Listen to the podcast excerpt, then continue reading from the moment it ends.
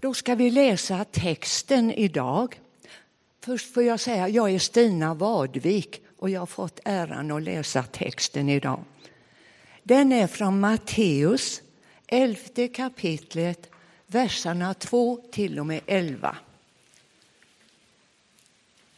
Alltså Matteus 11, 2 till och med 11. Johannes fick i sitt fängelse höra om Kristi gärningar och han skickade några av sina lärjungar för att fråga honom. Är du den som ska komma? Eller ska vi vänta på någon annan? Jesus svarar dem. Gå och berätta för Johannes vad ni hör och vad ni ser.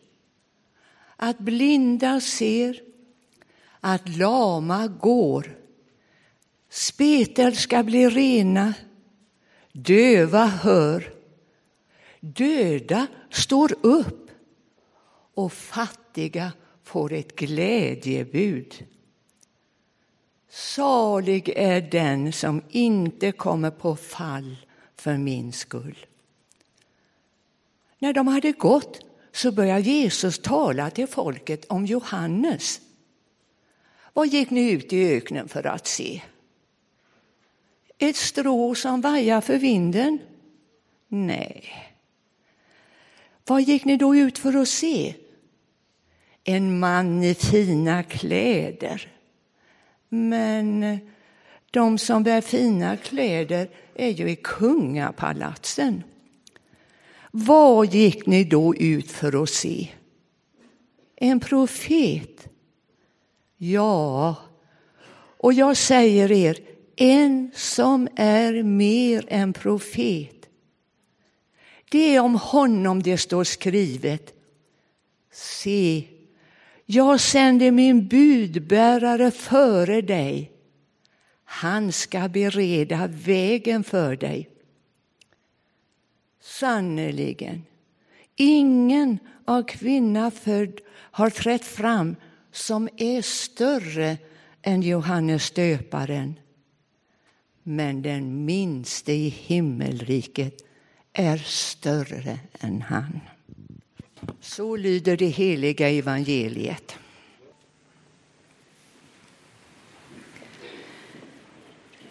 För att ta emot något stort kan man behöva förbereda sig. När man tar emot ett barn har man ofta förberett sig i minst nio månader. Tar man emot ett barn genom adoption är förberedelsetiden troligen ännu längre. När du ska köpa en bil lägger du ofta ner en hel del tid på att jämföra och kanske provköra den. När det var EU-toppmöte här i Göteborg för några veckor sedan hade det förberetts under lång tid. Advent är en tid att förbereda sig för julen. Alltså för att Guds son kommer till oss. I kyrkans rytm är advent en tid för fasta. Det kanske inte är det första du tänker på så här i adventstid, men ändå. Fasta eller en förberedelsetid. För att fasta är att avstå från något för att vinna något annat. Fasta handlar om att du kan få tid för eftertanke och bön och tid för att komma närmre Gud.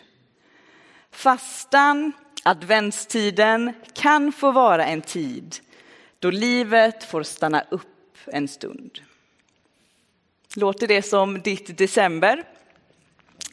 Kanske inte det första många av oss tänker så här en vecka innan jul. Idag, tredje advent, så har vi precis läst om Johannes döparen. Han är Jesus sex månader äldre släkting och han hade som uppgift, kallelse, att förbereda, bana väg för Jesus. Och innan vi möter Johannes i texten idag, som vi precis hörde, så får vi, eller kan vi möta honom tidigare i evangeliet. Då är han ute i öknen vid Jordanfloden. Och där ropar han ut att det är tid för omvändelse och att följa Guds vilja. Johannes var väldigt tydlig i sitt budskap som profeter ofta är. Och människor sökte sig ut i öknen för att lyssna. Och många blev döpta av Johannes, renades i floden, lämnade det som varit av ondo i livet och gick därifrån med en ny riktning i livet. En riktning att följa Guds sinne, en vilja att välja det goda. De hade börjat att förbereda sig för att Guds rike nu skulle komma. Att Messias som de väntat så länge på, som profeter genom alla tider förkunnat, nu snart var här. Johannes var den sista profeten innan Messias kom. Han var den som själv fick möta Jesus öga mot öga och sen döpa honom i Jordanfloden. Inte för att Jesus behövde lämna det som varit och renas, utan för att han blev del av alla våra misstag.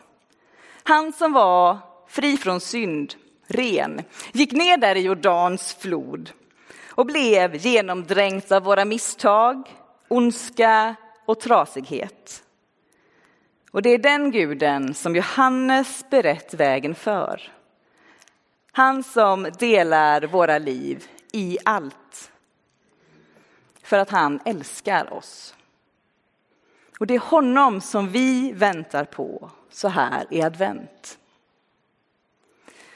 Johannes, han hade fått se profetiorna gå i uppfyllelse. Han hade fått möta Herren som han banat väg för. Och nu i texten vi precis hörde så sitter han i fängelse. Och han hamnade där för att han hade talat sanning. Inte bara in i människors liv som sökt upp honom där i öknen, utan även in i Herodes liv. Kring en rakt igenom olämplig sexuell relation som Herodes levde i. Så Herodes kastade honom i fängelse. Och där, i fängelsehålan, kommer tvivlet krypandes. Är Jesus verkligen den som de väntat på? Som Johannes predikat om? Är det verkligen han? Eller har han berett väg för fel person? Är det någon annan som de väntar på? Och när tvivlet smyger sig på så vänder sig Johannes till några vänner och ber dem att söka upp Jesus och fråga om han verkligen är den som de väntat på. Och så ger de sig av för att ställa frågan. Att vi kan läsa det här i våra biblar är i alla fall för mig rätt skönt.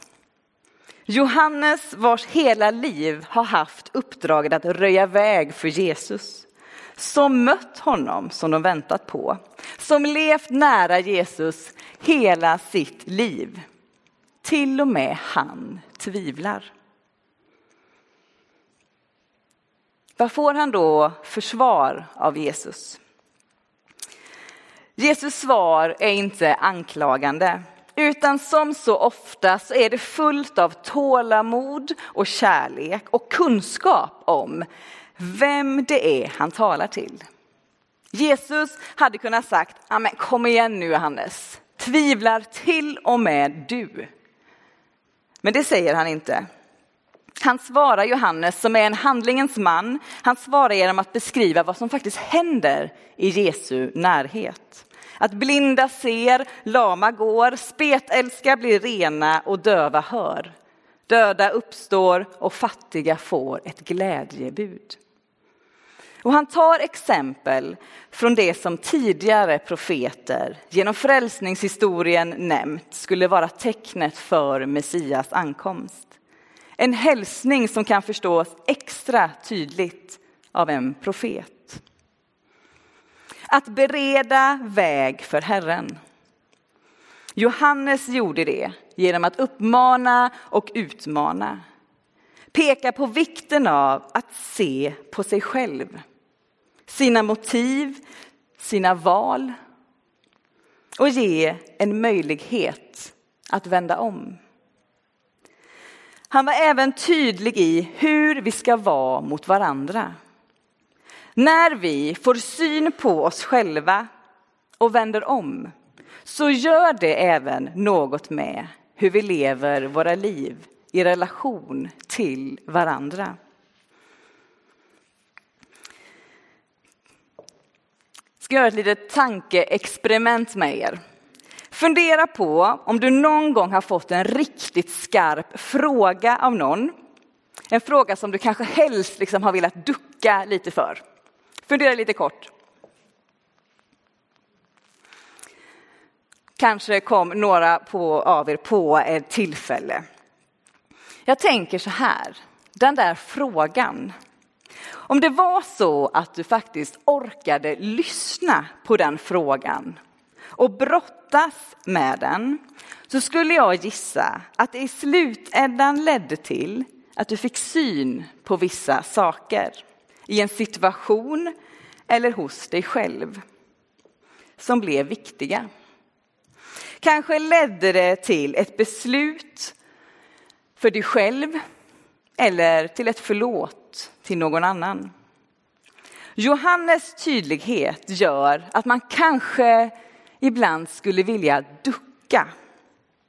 Men det som inte gjorde det, där ute i öknen, de som fick syn på sig själva genom Guds ögon, de valde att döpa sig, lämna det som varit fel och så tog de ut en ny riktning tillsammans med Gud och blev mer redo att ta emot Guds son in i deras liv.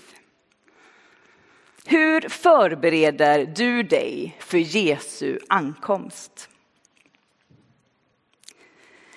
Kanske är du just nu mitt uppe i julförberedelser. Pepparkakor, julkonserter, pynt och julklappar.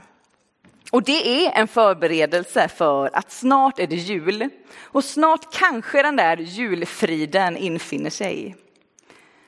Förbereder du dig på att Guds son ska komma? Eller förbereder du dig för något annat?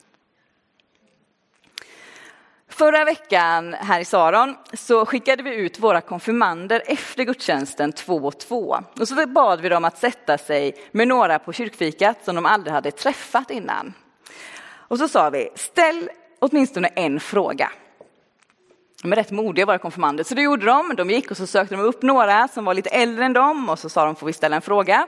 Ja visst, sa de flesta. Och så sa de, vad tänker ni på när ni tänker på jul? Vad tänker ni på när ni tänker på jul? Och de fick väldigt många olika svar. Och så kanske det är för oss alla, att vi har lite olika svar när vi tänker på jul. En del kanske har känslan av att jul är någonting riktigt härligt. Och andra kanske bävar inför julhelgen. En del stressar och andra hittar ett lugn. Och oavsett så handlar julen djupast om att Gud föds in i den här världen. Kommer till dig och mig och vill gemenskap. Julen kan vara gemenskap med andra eller en stor känsla av ensamhet. Julen kan hjälpa oss att närma oss Gud. Eller så springer liksom alla traditioner på så fort att vi inte hinner med att stanna upp inför det där kärleksbudskapet som föds in i vår värld. Det finns en eh, man som heter Nils Bolander som skrev en julbön för många år sedan. Och den fångar in min längtan om julen. Eller kanske vad jag önskar att min längtan skulle vara. Bönen handlar om att när julen kommer så ber han inte främst om julefrid, presenter, dignande matbord, vänner, gemenskap. Utan han vill framför allt be om att barnet som förändrar allt ska besöka hans hjärta, hans inre. Kan du förbereda det besöket på något sätt?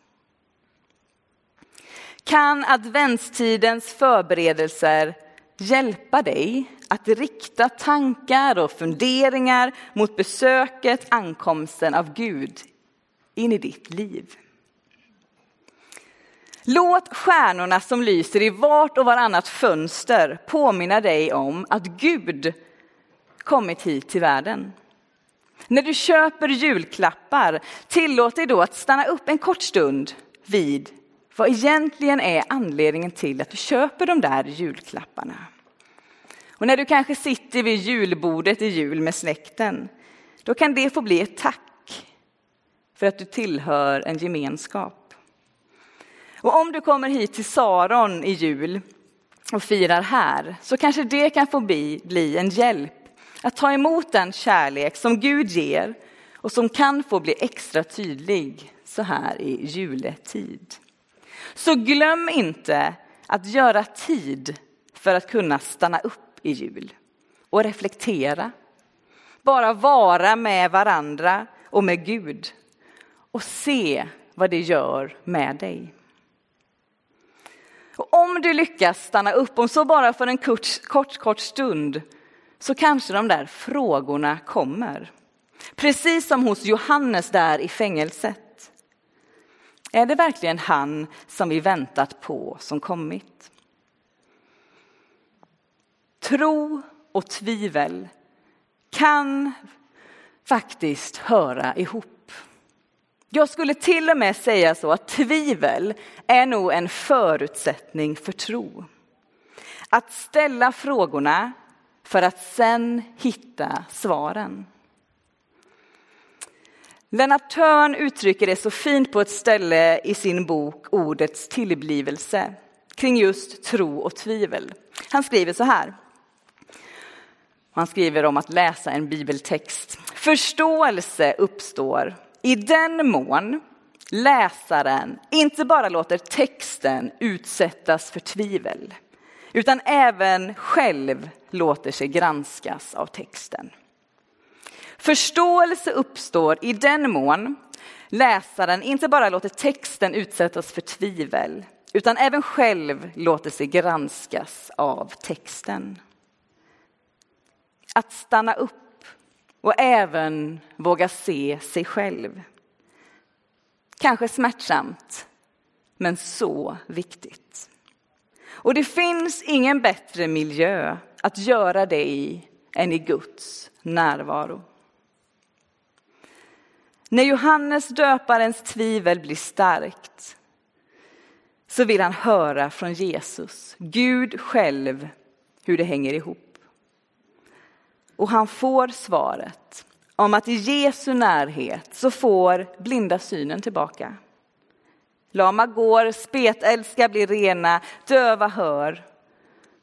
Döda står upp och sist men inte minst, det stora i vem Gud är. Fattiga får ett glädjebud. För att ta emot något stort behöver vi förbereda oss. När tillåter du dina frågor att komma? Och framför allt, när ger du dig tiden att hitta ett svar? För frågor utan svar kan bli väldigt jobbiga att bära på. Därför är det viktigt att stanna upp och skapa utrymme, att bara vara. Och jul kan vara ett av de tillfällena att stanna upp och se vad som händer i Guds närvaro.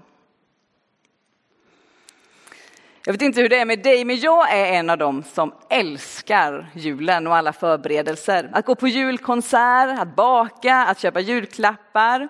Och till mig och kanske då till dig som känner igen dig, ta tillfället mitt i allt detta och stanna upp. Mitt i gemenskap och julgodis. Stanna upp om så bara för en kort stund och reflektera över vad julen faktiskt kommer med för budskap. Vad betyder det för dig?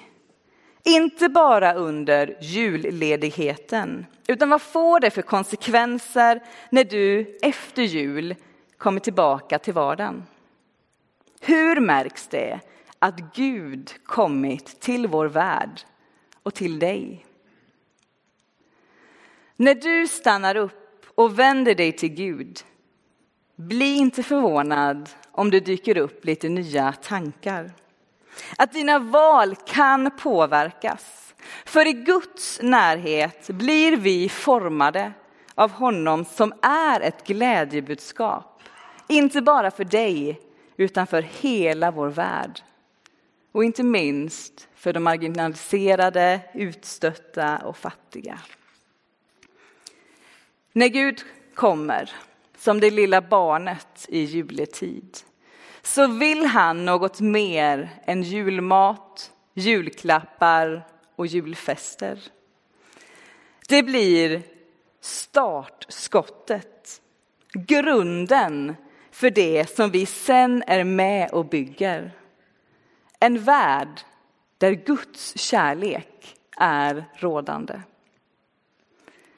Adventstiden är en förberedelsetid för att ta emot frälsaren. Och snart är vi framme vid natten då Jesus föds. Så mitt i det du håller på med inför julen, ta tillfällena som bjuds. Att stanna upp vid en stjärna i fönstret eller en hälsning om god jul i pyntandet av granen. Och låt det bli en hälsning, en påminnelse om Guds kärlek till den här världen. För, för att ta emot något stort kan man behöva förbereda sig. Amen.